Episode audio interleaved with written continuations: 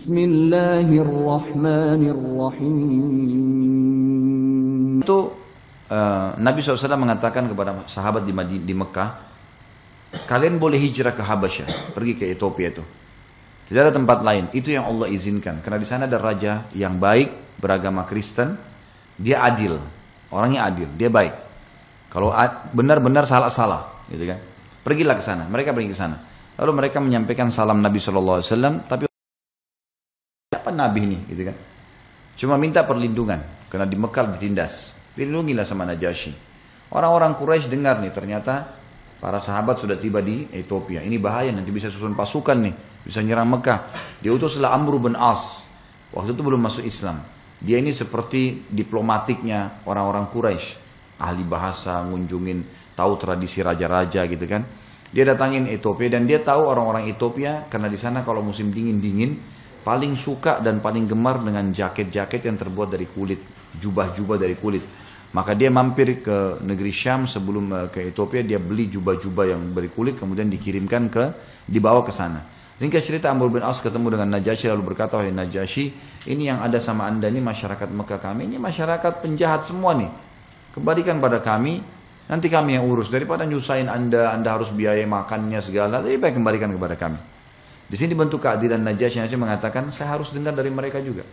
Bukan spontan kau bawa hadiah kemudian tiba-tiba saya mau terima itu. Jadi dibawakan banyak hadiah dari Quraisy termasuk jubah-jubah kulit, perak, emas dan segalanya.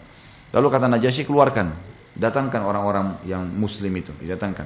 Lalu kemudian ditanya oleh Najasyi, apa masalah kalian? Kata Ja'far bin Abi Thalib juru bicaranya, kami dulu kaum yang buruk sekali wahai raja Najasyi. Kami dulu makan bangkai, perempuan kami boleh bergaul sama laki-laki sembarangan. Karena dulu di zaman Quraisy itu kalau ada orang yang kuat, gagah, itu disuruh istrinya tidur sama laki-laki itu. Supaya dapat gennya, supaya dapat anak yang seperti itu. Kebodohan. Kami dulu makan bangkai, kami dulu memutuskan silaturahim, kami menyerang satu sama yang lain, yang kuat menindas yang lemah dan seterusnya. Setelah itu Allah mengutus kepada kami itu nabi yang bernama Muhammad dan nabi ini ya mengajarkan kami untuk silaturahim, untuk tidak memakan bangkai, tidak mengganggu orang lain, tidak boleh menyembah berhala dan dan seterusnya diceritakanlah. Lalu Najasyi waktu dengar itu tersentuh. Dia bilang coba ceritakan lebih jauh tentang nabi kalian itu. Diceritakan oleh Ja'far bin Abi Thalib banyak sekali. Waktu itu Najasyi mengatakan, apa yang kamu sampaikan ini ya. Sama sekali tidak ada salahnya. Dan ini agama agama langit nih gitu kan? Hai Amr bin As saya tidak akan kasih kalian mereka kepada kalian. Tidak bisa tidak kasih mereka kepada kamu. Tidak mungkin. Saya harus adil gitu kan? Amr bin As pun pergi menghadapi pendeta-pendeta dan pastor lalu berkata kepada mereka itu ya yang kalian sedang naungin tuh orang-orang yang menghina Isa. Menghina Isa mereka bukan mengatakan Isa anak Tuhan. Coba tanyakan kepada mereka. Lalu mereka kumpul sama Najasyi, pendeta-pendeta lalu kumpul lalu mengatakan, nih yang kita kumpulin tuh orang-orang yang membenci Isa tuh. Buktinya Amr bin As mengatakan begini. Ya. Baik, dipanggil lagi kembali yang kedua kali. Ditanya lagi, apakah benar begini, apakah benar begini. Kata Ja'far bin Abi Talib, sama sekali kami tidak mengatakan seperti apa yang mereka katakan. Kami tidak menghina Isa. Tapi kami mengatakan Isa adalah hamba Allah dan Rasulnya dan bukan anak Allah. Pastor dan pendeta tidak terima. Lalu Najasyi mengatakan, mengambil sebuah kayu, mengangkat lalu mengatakan, Demi Allah, apa yang kalian yakini dengan yang Isa ajarkan kepada kami tidak ada bedanya. Seperti satu batang kayu ini antara atas dan bawahnya. Ini sama nih. Satu rumpun nih. Ini agama yang benar. Lalu waktu dibacakan surah Maryam, nangis Najasyi waktu itu.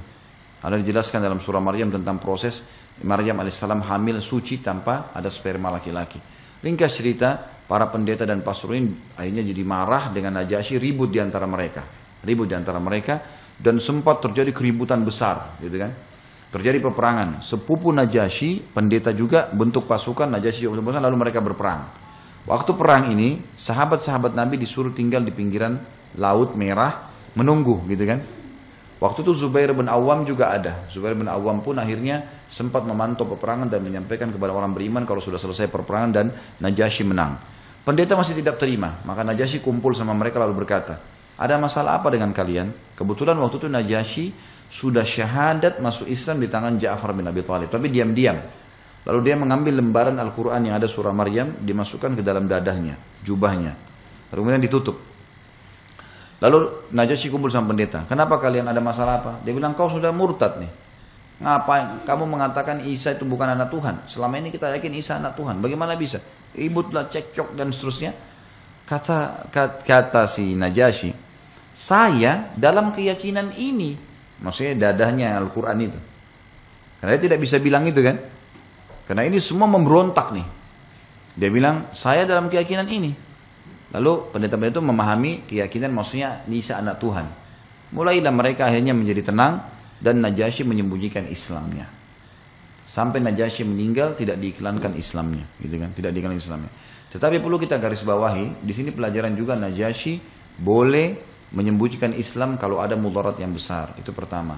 Yang kedua, Najasyi ini pada saat meninggal disolati secara gaib oleh Nabi Shallallahu Alaihi Wasallam. Dan keluar hukum di sini ternyata sholat gaib itu hanya dilakukan kalau tidak ada muslim yang sholati. Ini perlu digarisbawahi. Banyak orang tidak paham nih. Kayak kita ada yang meninggal, sudah disolati misalnya di Surabaya, di Indonesia, seluruh Indonesia sholatin karena tokoh masyarakat. Ini keliru. Mestinya disolatin kalau tidak ada yang sholatin. Beranjak daripada riwayat Najasyi, waktu dia meninggal, sudah nggak ada sahabat lagi di sana tuh. Sudah nggak ada sahabat, sahabat sudah hijrah ke Madinah semua. Baru Najasyi meninggal, sampai berita kepada Nabi SAW, Nabi SAW sholat gaib di Madinah. Itu